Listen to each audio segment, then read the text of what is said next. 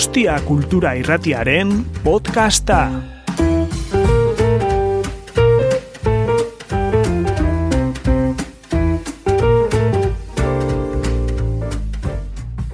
Es que ricasco guztioi etortxagatik. Nos reunimos en una nueva ocasión para celebrar y disfrutar de este ciclo de conferencias Literaturas Perseguidas, una serie de cuatro encuentros, al menos durante esta edición, que han pretendido, y yo creo que podemos decir que están logrando en gran medida, reivindicar la obra, valor y figura de diferentes escritores.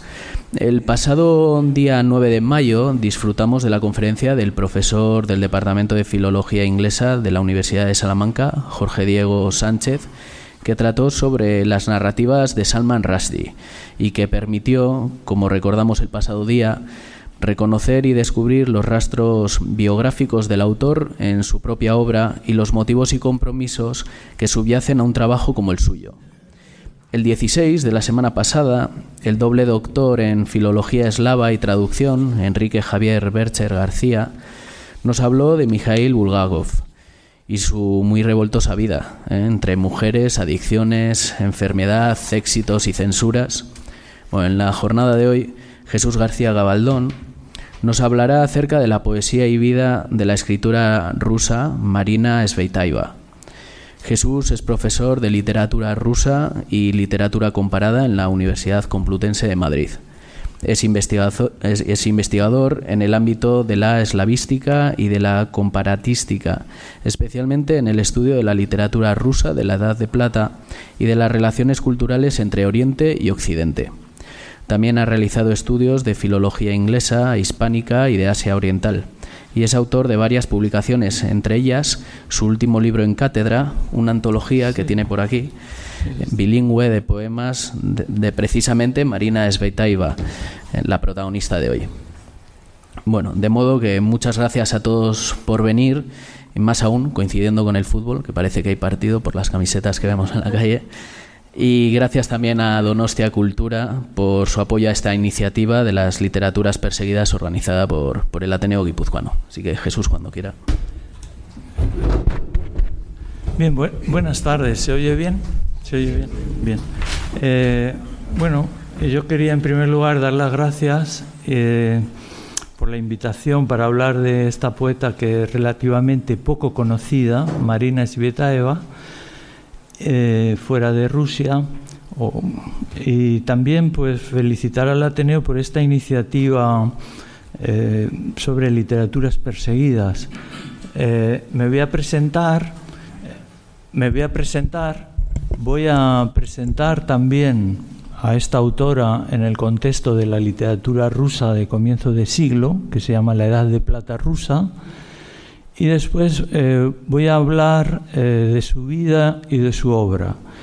Eh, en total hablaré unos una hora, en torno a una hora, y cinco minutos, los últimos cinco minutos los dedicaré pues a leer algunos poemas porque ella es fundamentalmente una poeta, aunque es una poeta que también escribe prosa y teatro, pero tanto la prosa como el teatro es un teatro poético y la prosa también es poética, ¿no?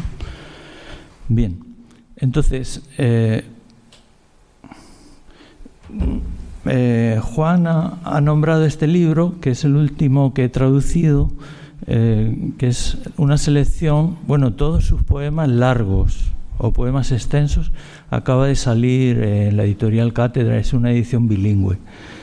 Y antes eh, publiqué en Colombia, eh, que no se, ha no se ha publicado todavía en España, eh, otra selección de su poesía elegíaca y sobre todo de dos libros que se llaman Campamento de Cisnes y Versos a Bloc.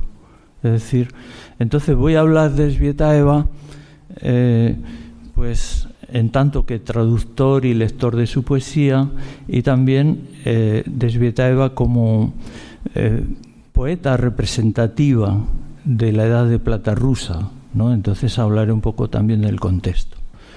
Ella nace en Moscú en 1892. Aquí vemos un retrato de Marina Svietaeva, ¿no? Eh, que es de 1913. Eh, y la he descrito así. Entonces voy a leer un poco esta descripción. Magda Nashman captó el espíritu de Marina Svetaeva en el verano en el retrato al óleo que le hizo durante el verano de 1913 en Costebel.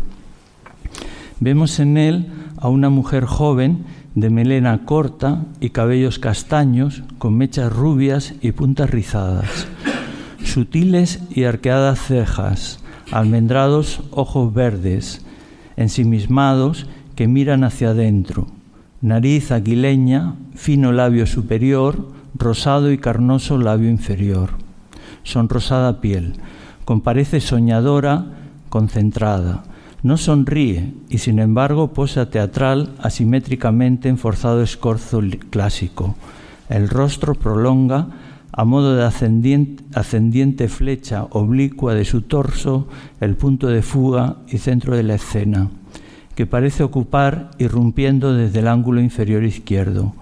Podemos imaginarla recostada sobre una cama o banca, firmemente apoyada en el codo derecho, que constituye el vértice del triángulo de su brazo que oculta la mano de la escritura. No se apoya en el cuadrado cojín rosa que sirve de primer fondo superior de un fresco o cuadro abstracto de tonos pasteles marrones, rojos y azulados. El fondo inferior podría ser una colcha a cuadros blancos y azules. Todo contrasta con el intenso azul cobalto entre violeta y marino del modernista vestido de leve escote en forma de V de cuello vuelto. Llama poderosamente la atención el brusco contraste entre el redondeado hombro izquierdo, como la cima de una suave colina, y la abrupta línea descendente hasta la cima del codo derecho.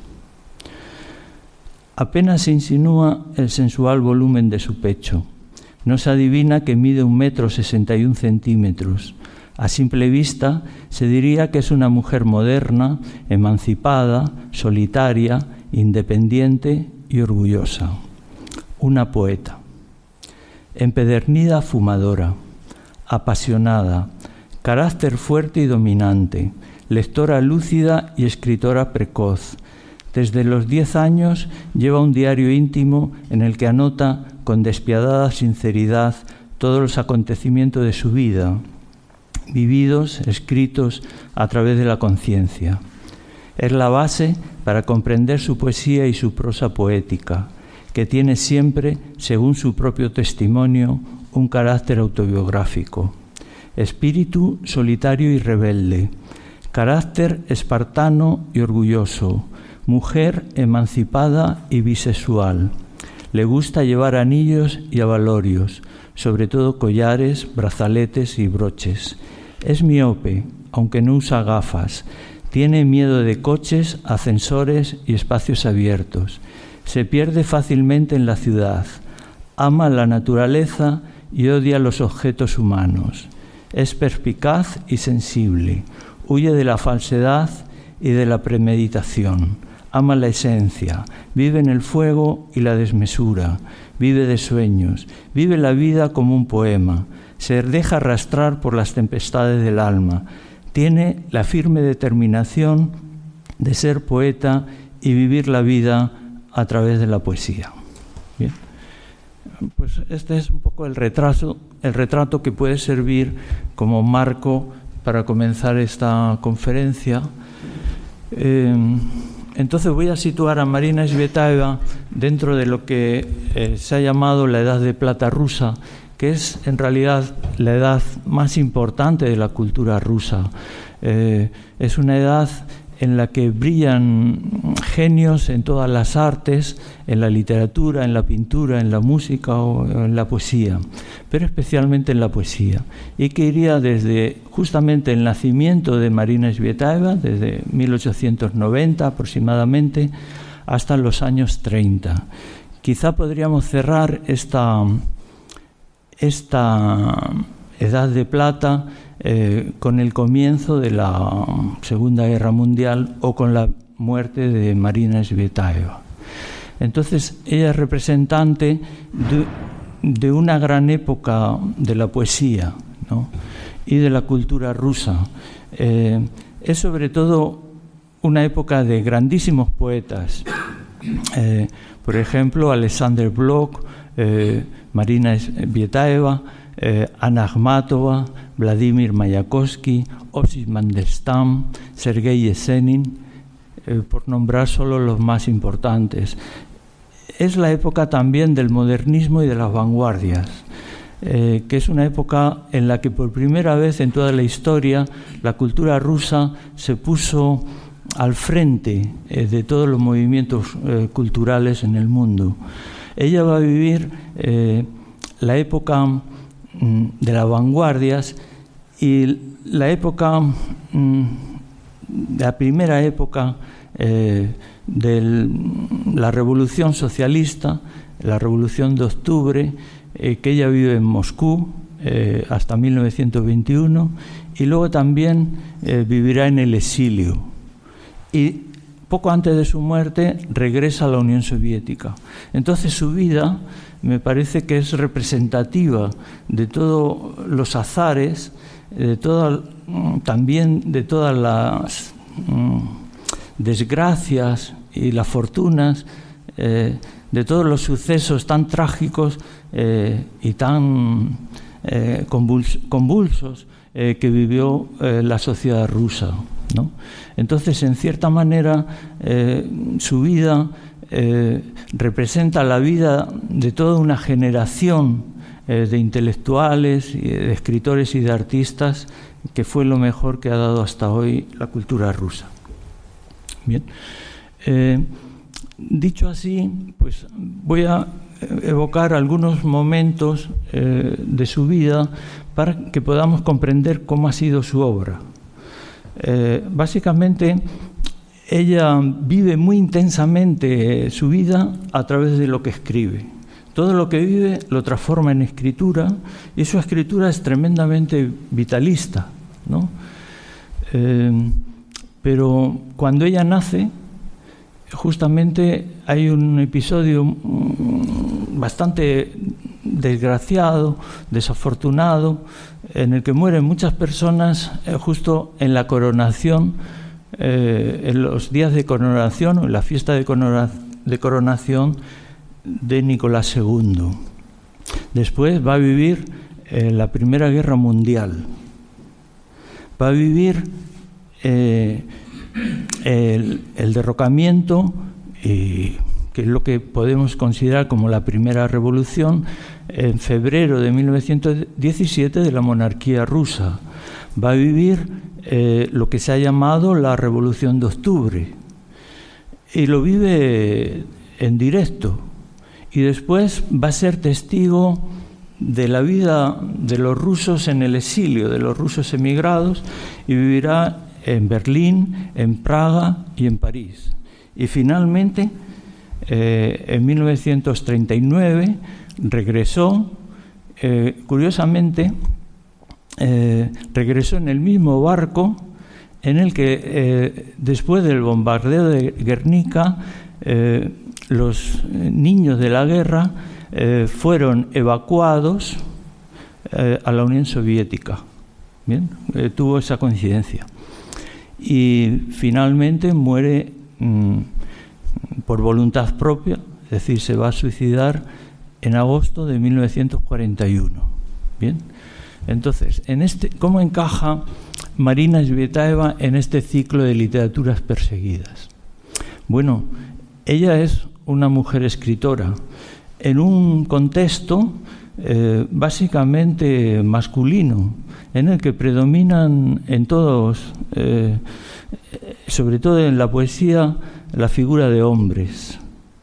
Pero ese contexto va a cambiar, va a cambiar en el modernismo. Y entonces vamos a, ver aparecer grandes artistas, grandes genios, eh, tanto en la poesía o en la pintura, eh, pues como la propia Svietaeva o Ana Akhmatova o Natalia Goncharova, eh, por, nombrar algunas. ¿no? Pero eso ya le fuerza a un, mm, a un plus, a hacer algo más para ser reconocida.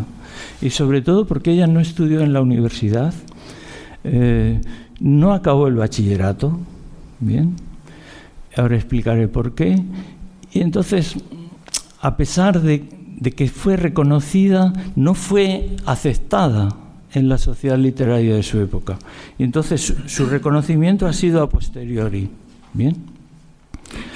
En segundo lugar, Claro, ella es hija mm, de mm, un matrimonio de intelectuales, de la inteligencia rusa. La mayoría de los artistas eh, y escritores de este periodo son hijos de intelectuales. Su padre era eh, profesor catedrático de historia del arte en la Universidad de Moscú y también arqueólogo. Y va a ser el que va a fundar el primer museo, eh, digamos, de arqueología, llamado de Bellas Artes, que existe hoy todavía en Moscú, se llama de Bellas Artes de Moscú.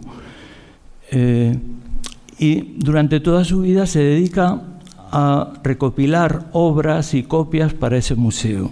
Y Marina Svetaeva va a vivir en ese museo que sería inaugurado por el zar Nicolás II. Y su madre es de origen polaco, eh, alemán, se llama María Main, eh, y también eh, una parte de su origen es judío. Bien, esto en una sociedad que desgraciadamente tiene antecedentes antisemitas, también una sociedad que no acepta muy bien a emigrados, sobre todo eh, procedentes de Polonia, que estaba incorporada al imperio ruso a la fuerza, ¿no? Y bueno, e-, esos componentes mm, pues van a influir en su vida. Eh, pero lo más importante es que su madre eh, muere de tuberculosis cuando ella tiene 12 años y antes de morir lleva a sus dos hijas con ella para intentar curarse pues en Suiza, en Italia y en Francia. Y ella estudia en pensionados en, Suiza, Italia y Francia. Y va a volver cuando muere su madre a hacer el bachillerato en Moscú no le gusta y lo deja. Y enseguida se casa. Se casa muy joven, en 1913, eh, con apenas 20 años. ¿Bien? Entonces, ¿con quién se casa?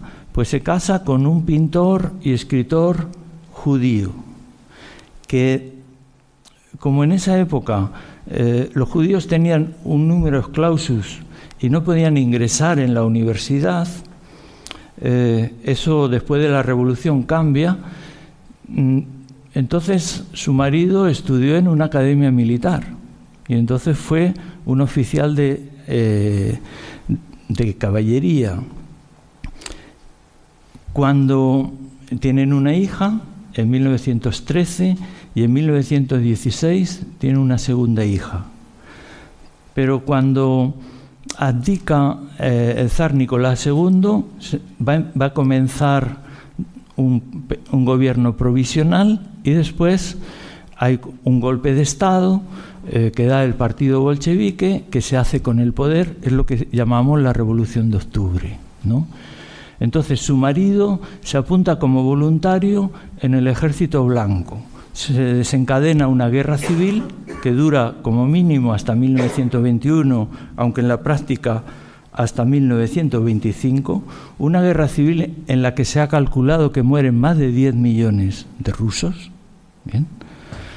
Y Marina Svetaeva se queda sola con sus dos hijas en Moscú, mientras su marido en Moscú, que es el Moscú de la revolución, es el Moscú de los bolcheviques, e incluso ella llega a trabajar a las órdenes de Stalin en el Departamento de Nacionalidades durante un, año o algo así. Eh, en, en el piso que tienen va a ser ocupado por comunistas y uno de esos comunistas le apoya a ella y le da ese trabajo. Bien, pero es un año de comunismo de guerra, de, hambrunas y básicamente de terror. Entonces, ella sobrevive a eso y lo cuenta. Lo cuenta de dos modos. Eh, a través de sus diarios, y es, aquí creo que está uno de ellos, que es Índices Terrestres, eh, que es diarios de la revolución, ¿no? de su experiencia durante esos años de la revolución. Ella tiene más que nada una ideología próxima al anarquismo, pero los anarquistas y los socialistas revolucionarios en 1921 van a ser eh, perseguidos eh, por los bolcheviques. Eh, bien, en ese contexto muere su segunda hija de hambre. Bien, entonces, claro, es una vida dura. En general la vida de los poetas de esa época es bastante trágica, pero es que los poetas representan la vida del pueblo ruso. Eh, su vida no es menos trágica que la de otros. Es la lucha por sobrevivir en una situación como toda revolución, y además que es una revolución eh, violenta, pues lleva un caos eh, tremendo hasta que se organiza el nuevo Estado, ¿no? Entonces ella deja testimonio de eso. Y sus testimonios no solo son a través de diarios, escribe diarios toda su vida, sino también a través de poemas. Bien. Eh, y el testimonio de esa época, del Moscú de la Revolución Rusa, es este libro que se llama Campamento de Cisnes, que no consiguió publicar en vida y se publicó de manera póstuma en 1957. Es un libro en el que ella hace como una elegía de Rusia, en el que canta abiertamente al ejército blanco, en el que militaba su, su marido, en el que hace una elegía de los zares y también los critica, en el que también hace eh, un canto apasionado de los soldados rusos, eh, también del ejército rojo, eh, que van a morir. Este libro fue desconocido, no se publicó en Rusia hasta 1990. Bien, era su libro secreto. Entonces, cuando comencé a traducir a Marina Svetava, empecé por este libro. Es decir, y entonces sigo un orden cronológico. Pero, claro, su, poesía es muy complicada de traducir, porque es una poeta que vive tan apasionadamente y que revoluciona, que no es una poeta académica, no es una poeta que sigue las tradiciones, sino que inventa eh, inventa la ortografía, eh, eh, cambia los ritmos, cambia la versificación. Mm, es bastante caótica, pero apasionada y sobre todo auténtica. Es una poeta que transmite como ningún otro poeta ruso una autenticidad de su propia vida. Y eso es lo que creo que le da valor y en el tiempo se ha ido reconociendo. Pero ella tuvo la sensación en su vida de que había sido una figura que no había llegado a, dialogar con su época, que no tenía cabida en la modernidad. Y eh, eso fue así, pero los poemas tienen una vida póstuma y en esa vida póstuma hoy en día se la considera la mejor poeta rusa de toda la historia y una de las mujeres poetas mejores de toda la historia de todas las literaturas. Bien, es decir, esta pasión y esta autenticidad, junto con una vida tan dura que todavía no he terminado de contar, eh, pues mm, es lo que ha hecho de esa poesía algo auténtico. Esta es una foto de su, de su matrimonio con Sergei Efron. Bien, voy a seguir contando su vida porque para ella eh, fue el amor de su vida, pero no el único amor. Bien, entonces, otro de los mm, componentes de su biografía personal y literaria es que eh, básicamente ella es una poeta bisexual. Eh, cuando su marido estudió en la Academia de Artillería, ella tuvo una relación muy intensa ¿eh? con una poeta rusa, Sofía Parnok, y escribió un ciclo que se llama La amiga.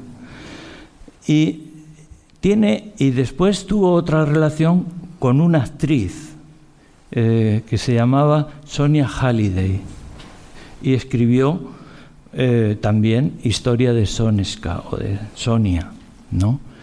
que es otro gran libro mm, de, amor lesbiano en una sociedad como la rusa que eh, tiene una mentalidad, una moral bastante tradicional hasta hoy. Entonces es difícil aceptar eso. Escribió también un libro, eh, Carta al Amazona. Bien. Pero nunca se separó de su marido. Nunca se separó. Y eso condicionó bastante su vida. Eh, cuando vivió en Praga, bueno, esto es sus dos hijas y junto con su hermana Anastasia Svietaeva. ¿no? Eh, esta foto. Cuando vivió en Praga, ella tuvo una historia muy profunda de amor ¿eh? con eh, un antiguo militar, amigo de su marido y de su familia. Y de ahí también proceden sus dos mejores poemas, y leeré dos fragmentos de ellos que son poemas sobre el amor y el desamor. Los transforma, transforma su experiencia en algo mm, que trasciende lo personal y es una reflexión sobre el sentido del amor y de la vida. Bien. Eh, mm, bueno, anotaba todo en cuadernos, en cuadernos escolares, domésticos, muy baratos. Eh, y suelo decir eh, que ella era marina de día y Svietaeva de noche. Escribía de noche. De día se dedicaba pues a, a, intentar alimentar y cuidar de su familia en una situación muy complicada. ¿eh? Eh, pero no solo cuando estuvo en la Rusia revolucionaria, sino también en el exilio. Ella fue la que mantuvo a su familia con su escritura toda su vida. Entonces, en el exilio, pues ella mm, intentó publicar mucho, pero la poesía no vendía. Y llega un momento en que mm, se ve forzada para ganarse la vida, eh, pues a escribir prosas. Y entonces es cuando empieza a escribir prosas autobiográficas o memorialísticas sobre su infancia, eh, sobre otros poetas, otros escritores, eh, sobre diferentes aspectos. Esas prosas son extraordinarias, ¿no? Y forman parte de, su obra y dialogan con los, poemas. No dejó de, escribir poemas, pero digamos después de 1928 hasta que muere, ya no publica más libros de poesía porque básicamente no tiene medios y no hay interés. Es decir, las condiciones de la literatura rusa en el exilio, conforme se fue alargando el exilio, los medios económicos eran menores y había más interés por la prosa. Intentó también hacerse o convertirse en escritora en francés, porque ella, eh, igual que los intelectuales rusos de su época, eh, desde niños habían estudiado francés, era, era trilingüe. Bien, eh, hablaba y escribía perfectamente en francés, alemán y ruso.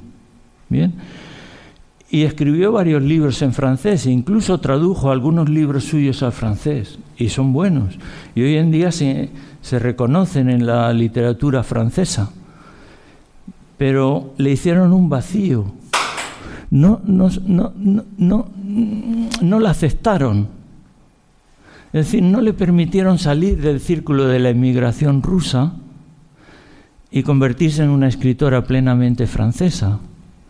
Cuando, ella pues es una escritora que conocía muy bien el mundo literario, pero no.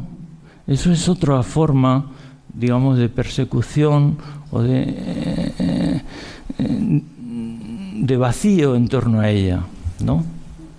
Bien. Eh, después en París, mm, un día ella va a enterarse, porque le interroga a la policía, de que su marido es doble espía, de que aunque ha luchado con el ejército blanco, después se, unió a un movimiento que se llamó el euroasianismo, que estaba financiado por la Unión Soviética y que captaba a agentes mm, de espionaje o de seguridad en el extranjero. Y su marido estuvo implicado eh, en el asesinato de otro ex espía ruso. Es decir, son cosas que parecen cercanas y lejanas, pero que se han ido repitiendo en el tiempo. Entonces ella fue interrogada por la, por la policía francesa, no conocía esas actividades de su marido y entonces su marido huyó mm, de un día a otro y regresó a la Unión Soviética y su hija mayor ella estaba convencida de que la Unión Soviética pues, y la revolución pues, iban bien eh, y regresó también a la Unión Soviética. Y entonces Marina Svetaeva, que no quería regresar a la Unión Soviética, mm, volvió con su hijo pequeño. Regresó en 1939. Entonces, mm, cuando regresa, a los pocos meses detienen a su hija. Eh, va a pasar 15 años en Siberia. Eh, un mes después detienen a su hermana, que es una grandísima escritora, que se llama Anastasia Svietaeva, es una de las grandes escritoras de memorias. Y tiene un libro que se ha traducido al español, Mi vida con Marina, y son memorias familiares. En octubre detienen a su marido y lo fusilan. Y entonces ella se queda sola en Moscú con un hijo de 14 años. Intenta publicar y se va a ganar la vida mediante traducciones, ¿no? Y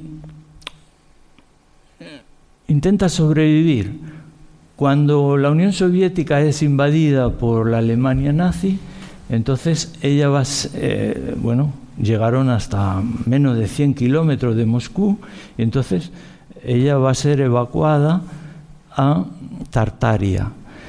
Y mm, en Tartaria, pues eh, va a vivir en, un pequeño, en una pequeña población que se llama Yelabuga, y mm, tres días antes de su muerte, intenta desesperadamente, porque no tiene recursos para vivir, eh, pide un puesto de lavaplatos en la Unión de Escritores, en la cantina de la Unión de Escritores. Tres días antes de su... y se lo deniegan.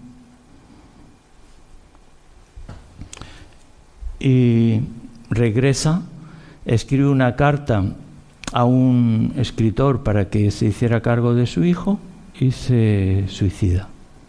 Y esa es la triste historia de Marina Svietaeva, que es triste como la de muchos millones de personas en una vida y en unas circunstancias muy duras. Poco después, eh, su hijo, con 15 años, es enviado al frente y va a morir también en el frente.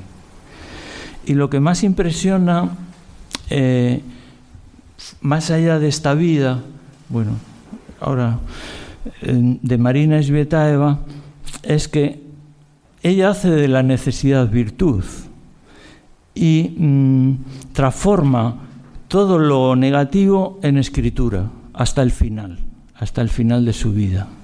Bien, eh, es decir, es una vida trágica, muy dura, eh, pero que ha dado lugar a una gran poesía, muy intensa, muy dolorosa, pero tremendamente auténtica y humana. Eso es lo que la ha engrandecido y yo creo que por eso eh, esta generación de poetas rusos, eh, porque en la que esta tragedia o vida trágica de Marina Zvetaeva no destaca, ¿eh? hay casos mucho peores, y también mucho más duro fue sobrevivir a eso. Por ejemplo, el caso de Boris Pasternak o de Anna Akhmatova, mm, y que les lleva al suicidio o al destierro, a, los campos de trabajo o a la muerte. Bien, pero ellos dan su vida a cambio. Y se ha dicho eh, que escribir, y sobre todo escribir poesía en esa época, era el oficio más peligroso. Eh, y literalmente los escritores rusos, siguiendo una tradición que comienza con el romanticismo, eh, ellos expresan la conciencia moral del pueblo ruso, una idea de verdad que es aceptada mm, por la población rusa y por eso la poesía tiene tanta importancia y a cambio pues dan su vida. Esa es la, la cuestión. Bien. Bueno, dicho esto, para no extenderme más, aquí estoy mostrando las portadas de las primeras ediciones de Libedini Stan, que significa Campamento de Cisnes, y versos a blog. Voy a leer eh, dos poemas, eh, uno de Libedini Stan y otro de versos a blog.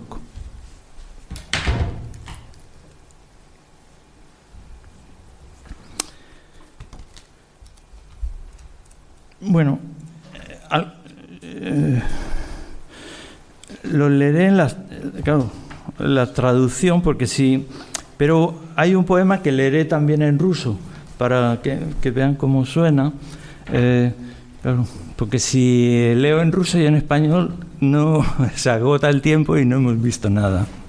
Es un poema sobre la Revolución Rusa escrito y la Guerra Civil, escrito en diciembre de 1920, poco antes de marchar al exilio. Oh hongo, mi hongo, blanco hongo, tambaleante en el suelo te lamentas, Rusia, ayudad, ayudadme, las piernas no me sostienen, me ofuscó la sangre mineral. A diestra y siniestra, bocas sangrientas, y cada herida, mamá. Yacen todos juntos, no los separes. Fíjate, un soldado, ¿dónde está el nuestro? ¿Dónde el vuestro? Era blanco y se hizo rojo, la sangre lo enrojeció. Era rojo y se hizo blanco, la muerte lo blanqueó. ¿Quién eres? ¿Blanco? No lo entiendo. Levántate. ¿O acaso caíste entre los rojos? Riazán. A diestra y siniestra, de espaldas y de frente, rojo y blanco, mamá, sin voluntad, sin ira, prolongado, terco, hasta el cielo, mamá. Bien. Mm.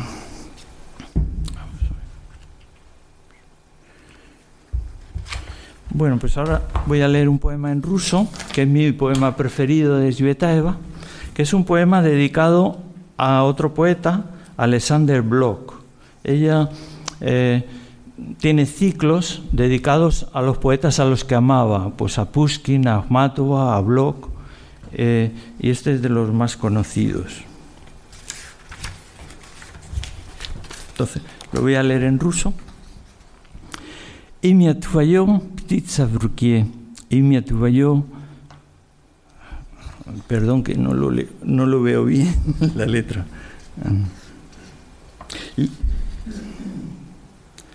Лединка на языке, одно единственное движение губ, имя твое, пять букв. Мальчик, пойманный на легу, серебряный бубенец в рту, камень, кнутый в тихий пруд. Бесхипнет так, как тебя зовут? Велихком мелькание ночных копит, громкое имя твое гремит. И назовет его нам всок, звонко, силающий игрок. Имя твое, ах, нельзя, имя твое, поцелуй в глаза. Нежную стуку нет вишних век, imia tuvayo, pasilui visniek. Kluchevoi, lidini, galuvoi, klatok. Simienen tuvaim, son luok. Perdón, es que la letra es muy pequeña, no la veía muy bien. Aquí es más grande. Esta es la traducción que hice. Tu nombre, un pájaro en mano. Tu nombre, un témpano en la lengua, un movimiento de los labios. Tu nombre son cinco letras, una palabra atrapada al vuelo, un sonajero de plata en la boca, una piedra arrojada a un plácido estanque que solloza al llamarte, en el leve golpeteo de los cascos resuena tu rumoroso nombre. Y nos lo nombra en la sien el sonoro chasquido del gatillo. Tu nombre, es innombrable. Tu nombre, un beso en los ojos, en la ternura helada de inmóviles párpados. Tu nombre, un beso en la nieve, un sorbo de agua pura, helada y azul. Con tu nombre, el sueño es profundo. Bueno. Y bueno, quería leer también los que considero son sus dos mejores poemas extensos, que son el poema de la montaña y el poema del fin, eh, que es de esta aventura amorosa que duró unos seis meses, eh, en una época en que su marido tenía tuberculosis y fue llevado a un hospital para tuberculosos, como a 300 kilómetros de, de Praga, donde ella vivía, y bueno, vivía en las afueras, y entonces tuvo una aventura amorosa eh, eh, con Konstantin Rochevich. Este es el comienzo del poema de la montaña. Son poemas de amor y desamor, donde la montaña simboliza el amor y la vida. Esa montaña era como el pecho de un recluta perforado por una bala. Esa montaña quería labios vírgenes, un rito nupcial. Exigía esa montaña un océano en el tímpano, un repentino hurra. Esa montaña guijaba y luchaba. Esa montaña era como un trueno. En vano jugaremos con los titanes.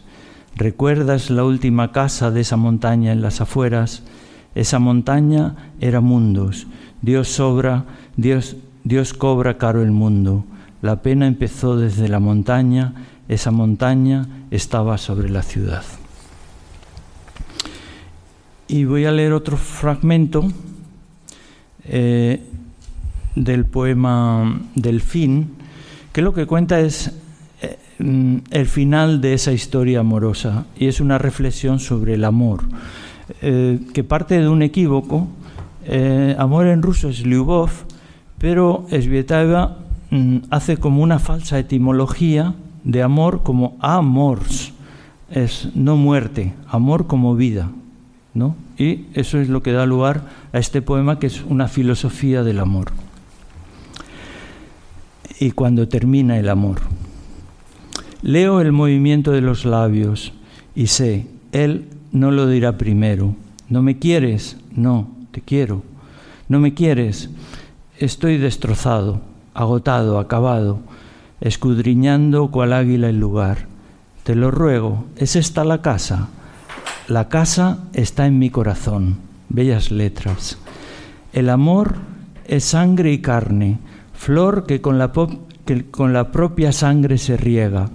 ¿Crees que el amor es charlar en la mesa, una hora y a casa? Como esos señores y señoras, el amor significa un santuario. Chico, cambia una cicatriz por otra. Bajo la mirada de sirvientes y borrachos, yo callada. El amor es arco tenso, arco, ruptura.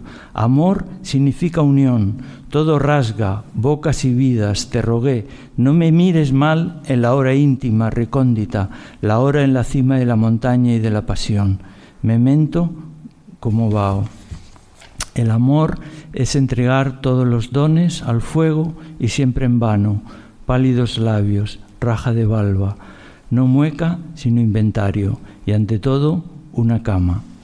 ¿Querías decir un precipicio? Tamborileo de dedos. No es como mover una montaña.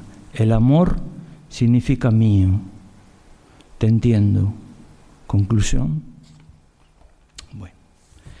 Y bueno, mm, para mostrar las imágenes que había preparado, este es un libro de 1922 que se publica en el Moscú de la Revolución, se titula Biorsty, Verstas, la firma de Marina Svietaeva. Bueno, eh, todas estas, los libros de poesía que ha escrito y también de prosa. En los libros de poesía hay muchos que no están traducidos al español. Básicamente tenemos antologías, pero yo prefiero traducir libros completos y poemas completos, eh, porque las antologías se repiten y es un poco el gusto del antólogo, ¿no?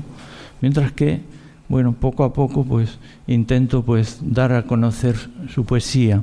Mientras que la prosa al español o al castellano ha sido muy bien traducida y hay muchos libros de ella, aquí hay una representación bastante significativa.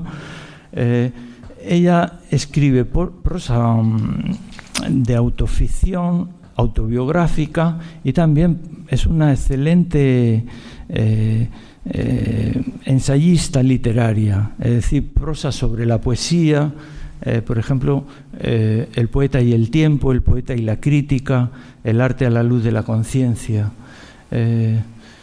Mm, y bueno, también, mm, bueno, tendría que ir hacia atrás. También mm, es una gran escritora de cartas y hay un libro que recomiendo especialmente que son las cartas del verano de 1926 entre eh, Rainer María Rilke, Boris Pasternak y Marina Svietaeva, que son cartas de tres grandes poetas eh, sobre la poesía. Y ya para terminar, pues voy a leer los dos últimos versos y bueno, eh, los dos últimos poemas.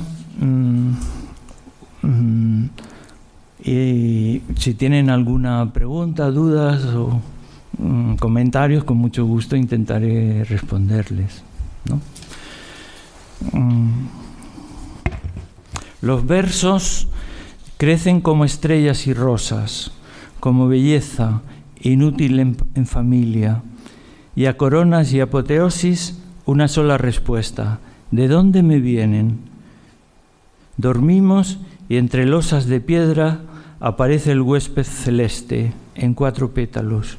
Mundo, comprende, el cantor en el sueño descubre la ley de la estrella y la fórmula de la flor. Es un poema de 1918. Y voy a leer uno de sus últimos poemas. Cortaron el serval al alba, el serval de amargo destino, el serval de grises pendientes, el serval del destino ruso. Bien. Y con esto pues termino. Muchas gracias por su atención, espero que les haya interesado esta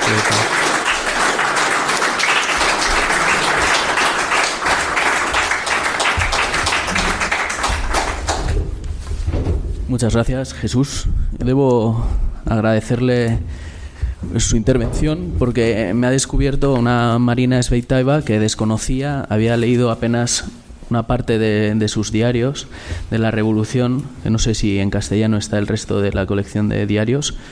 Mm, entera no, entera pero Gran parte. hay bastantes. Selman Cira ha traducido bastantes libros, pero eh, diarios mm, después de 1922 no, eh, no están. En otras lenguas sí. No, sin duda por bueno la adversidad que, sufrió, mm. ¿no? O sea, por el contexto, por su condición de artista, de mujer y también por la condición sexual de la que nos ha hablado. Eh, bueno, mm, me gustaría arrancar un breve tiempo de, de intervenciones, si desean participar de algún modo, sí, allí.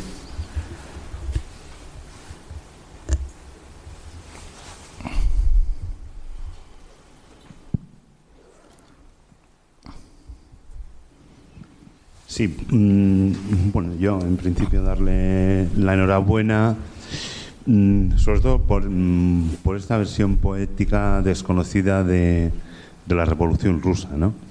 Eh, y voy a hacer un pequeño mea culpa. Los que veníamos de izquierda y leíamos a Benedetti, Galeano, Roque Dalton, André Breton, solo leíamos a Mayakovsky.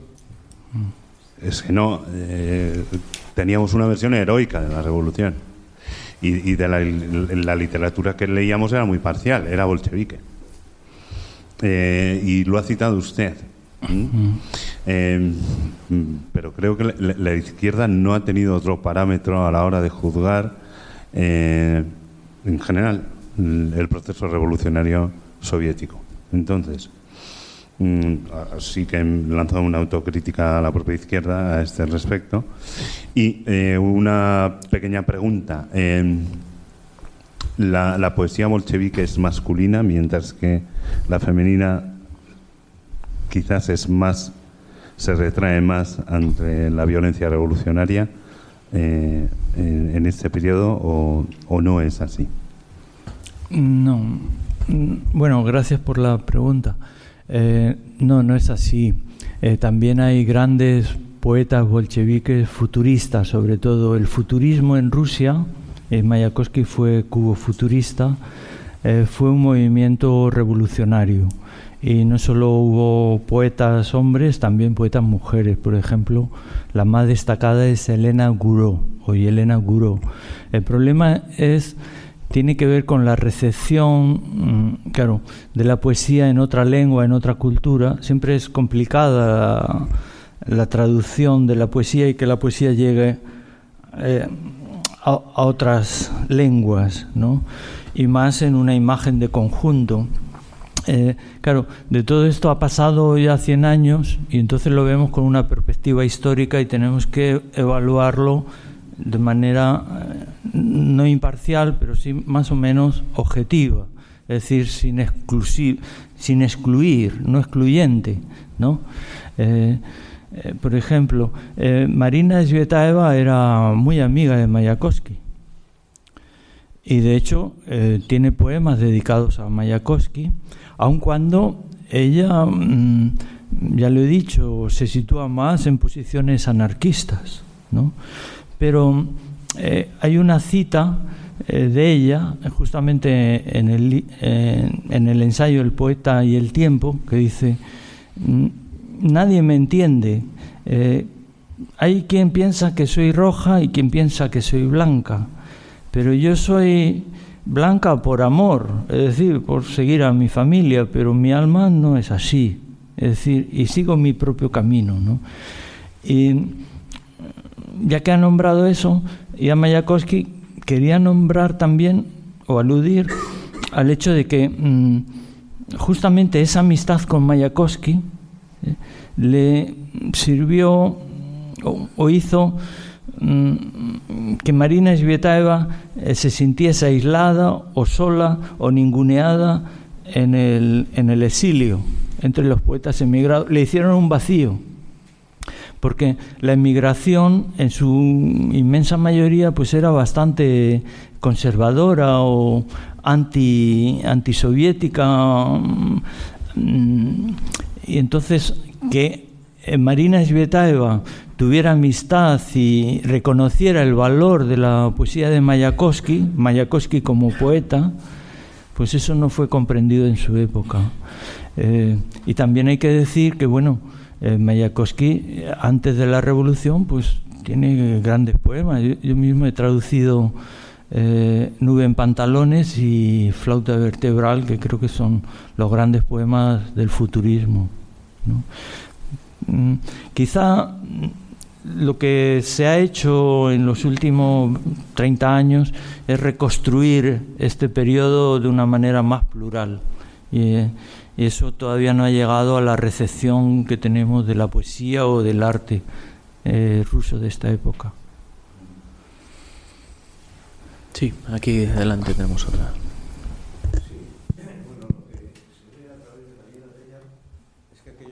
Era una brutalidad continua, ¿no? Mm. Quiere decir, la propia vida suya está llena de, de una brutalidad de, de toda índole, ¿no? Que ella Mm. refleja Mm. en sus poemas, por lo que yo he podido leer, Sí.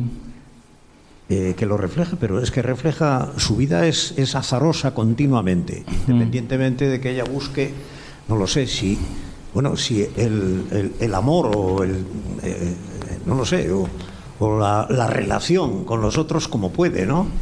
Porque está, o sea, y se, se ve que el contexto es una cosa mucho más brutal de lo que de lo que podíamos imaginar desde, desde fuera cuando se ven las cosas fríamente en el estudio de la historia, ¿no? Parece que eh, cuando se mueren muchos es que parece que no se muere nadie, ¿no? También.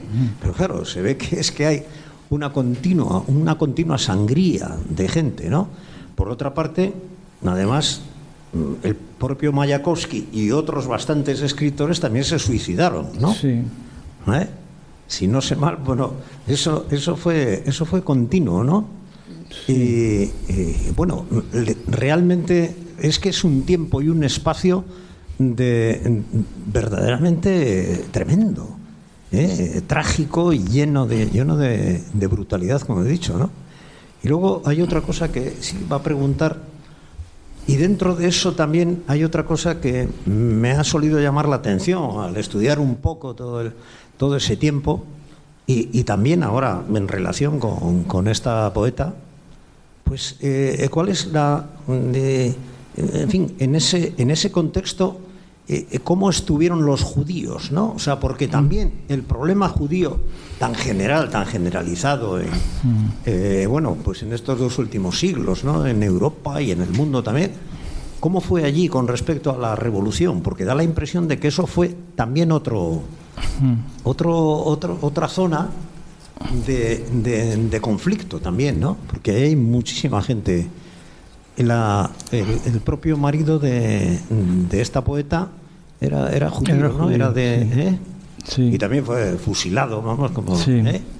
Pero vamos, por unas razones o por otras. Pero quiero decir que yo me he encontrado con bastantes cosas relativas a los judíos que bueno, que siempre se han encontrado, quizá, siempre han tropezado con lo mismo, con persecuciones que también les han tocado a ellos, ¿no? Sí. ¿Eh? Vamos, pero el, el- el contexto, la época, mm, le da a uno la impresión de ser enormemente brutal, ¿no? Mucho más de lo que de lo que parecía desde, desde fuera de allí o que era un poquito lejano, ¿no? Para nosotros. Pero allí aquello fue una sangría de millones, ha dicho usted, de personas. ¿no? Sí. O sea, ¿eh? Bueno, fue una época trágica. Claro, es una época, es una revolución que es- a la que se llega con la violencia y que generó más violencia, ¿no? A través de una guerra civil que siempre es trágica. Y luego, cuando Stalin se afianza en el poder, pues eh, lo que se conoce en los años eh, 34, 37 a 39, la época del gran terror, ¿no? Eh, entonces es trágica para todos. Eh, em, bueno, la revolución hay que verla con una distancia, eh, claro, pero es difícil mm, valorarla desde un punto de vista humano y, y para eso quizá la poesía es lo que nos da el sentimiento de esa época tan, tan dura. Y con respecto a los judíos, bueno, eh, la intelectualidad judía apoyó la revolución y fueron dirigentes de la revolución, ¿no? Pero cuando Stalin se afianza en el poder, eh, él era de origen georgiano y mm, por lo que se sabe, se conoce, pues lleva a cabo una gran represalia sobre la población judía y sobre dirigentes judíos.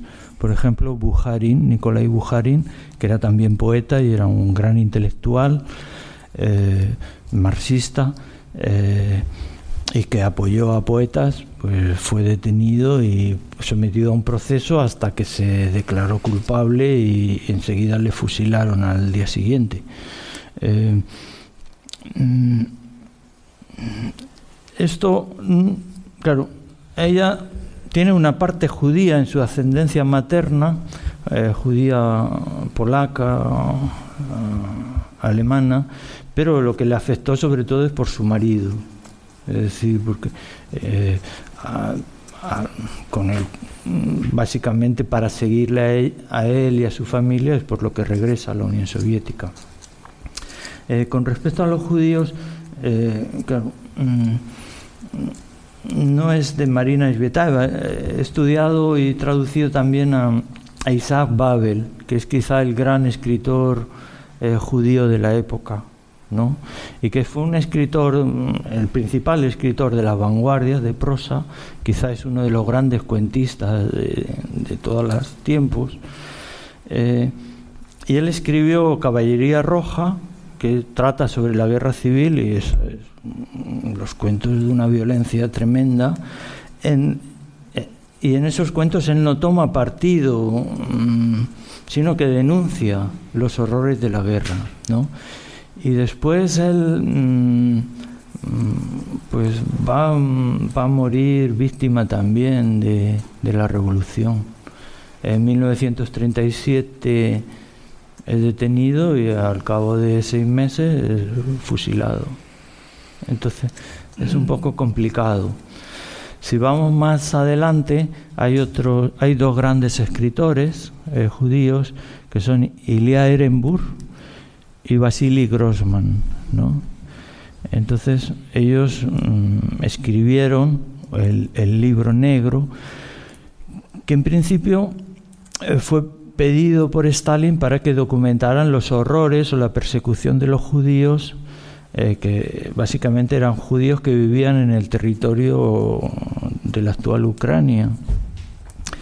Eh, pero cuando recabaron información y documentos, mm, les dijeron muchos testimonios de persecuciones también por parte soviética. Y entonces ese libro también fue prohibido. O mm, el caso de Vasily Grossman y su gran novela, que es Vida y Destino, que es una de las grandes novelas del siglo XX, eh, pues él trata del destino de los judíos, eh, pone en la novela un físico nuclear eh, de origen judío y todo lo que le va a suceder a él y a su familia durante la Segunda Guerra Mundial y el sitio de Stalingrado. ¿no? Ese libro fue prohibido, las autoridades de la época lo confiscaron y es un caso muy curioso, muy especial porque mmm, Vasily Grossman eh, escribió una carta a los dirigentes soviéticos pidiendo la libertad de su libro, porque el libro lo confiscaron y él lo dejaron en libertad y le dijeron que ese libro no se podía publicar en 200 años. ¿No? Pero 20 años después se publicó. O sea que son situaciones difíciles y, bastante complejas en la medida en que eh, una buena parte de la intelectualidad rusa era de origen judío y que apoyó la revolución y otros se distanciaron de la revolución o fueron víctimas de la revolución. Por ejemplo, el caso de Pasternak. Boris Pasternak es de origen judío o Ana Akhmatova también es de origen judío. Bien. Entonces Boris o, o Mandelstam, ¿no? Eh, pero no es un judaísmo militante, eh, sino son más bien eh, cosmopolitas, modernos, pero conservan aspectos de su identidad judía. Y bueno, mm, sufrieron persecuciones, pero no solo por su condición de judíos, sino también por su propia escritura. Es decir, es un caso complejo, pero eh, que no afecta únicamente a los judíos, pero digamos, dentro de esta persecución de, los más perseguidos sí fueron los intelectuales judíos, pienso yo. Sí, tenemos al fondo. Quería preguntar si en los diarios, sus diarios, aparece reflejada esa decisión que parece desesperada volver a la Unión Soviética en el año 39, ¿no? Sí. Porque da un poco la impresión de que es ir a una trampa, visto Sí. desde fuera, ¿no? Sí, sí. Sí, eh, sí, está reflejado y ella mm, deja los diarios. Es eso, dice, vuelvo sin querer volver y sé que me espera la muerte allí. Eso, era lúcida y consciente toda su vida, ¿no? Y lo que hizo antes de regresar, es decir, cuando mm, su marido huyó, su hija regresó a la Unión Soviética, entonces ella pues pidió, fue a la embajada soviética y pidió pasaporte para regresar, ¿no? Y entonces eso tardó como un año. Y entonces lo que hizo ella fue copiar todos sus libros a mano, ¿no? Por ejemplo, este libro que no fue publicado hasta 1957, El campamento de cisnes, eh, ella eh, lo publicó, hi- hizo varias copias y, de hecho se pudo publicar porque el manuscrito se conserva en la Universidad de Berna, en Suiza. Eh, entonces, mm, mm, escribió y copió los libros sabiendo que no se podían publicar en la Unión Soviética. Por ejemplo, tiene otros eh, eh, poemas, tiene un poema que se llama Siberia, pues eso es, ha quedado casi incompleto.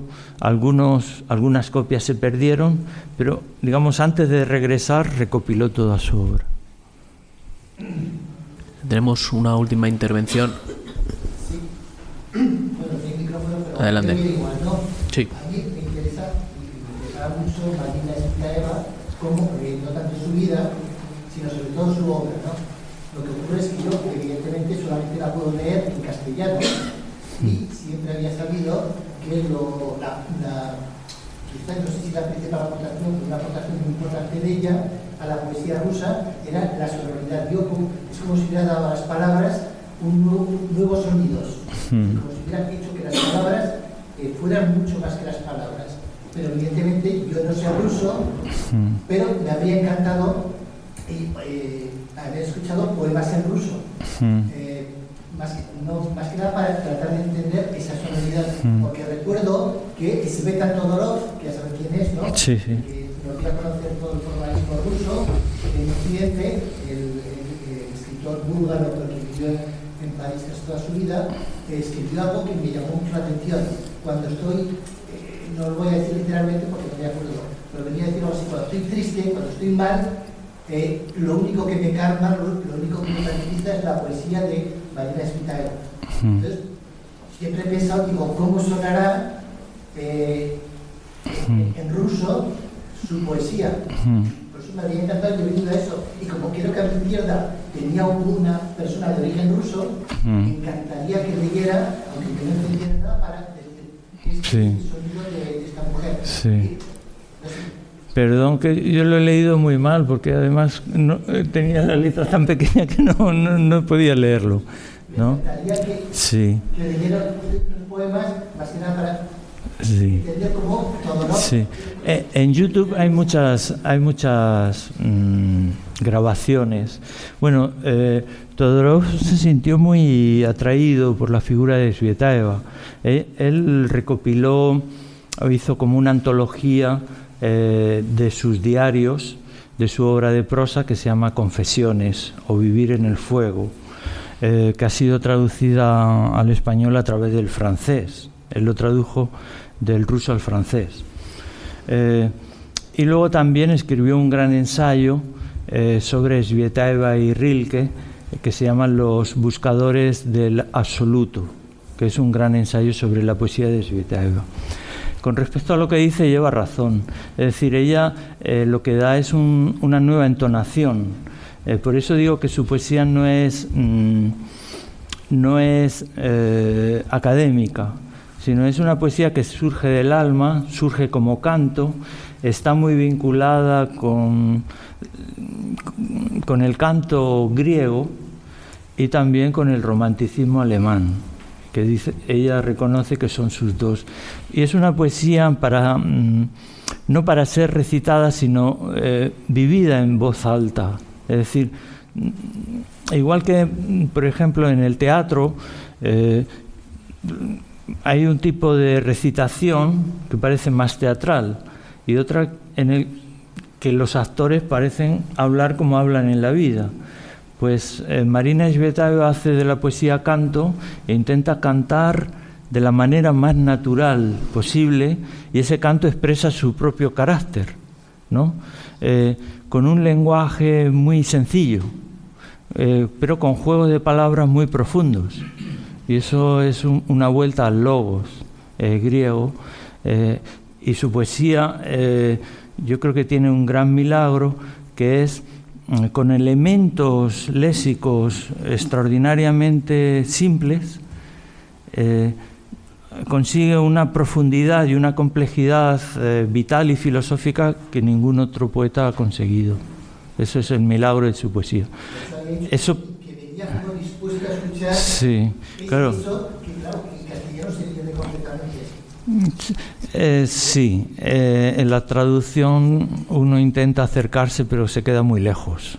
Eh, esos son los límites. En la medida en que es una misión imposible. eso se refleja también en ruso en los signos de puntuación. Ella usa mucho el guion como pausa.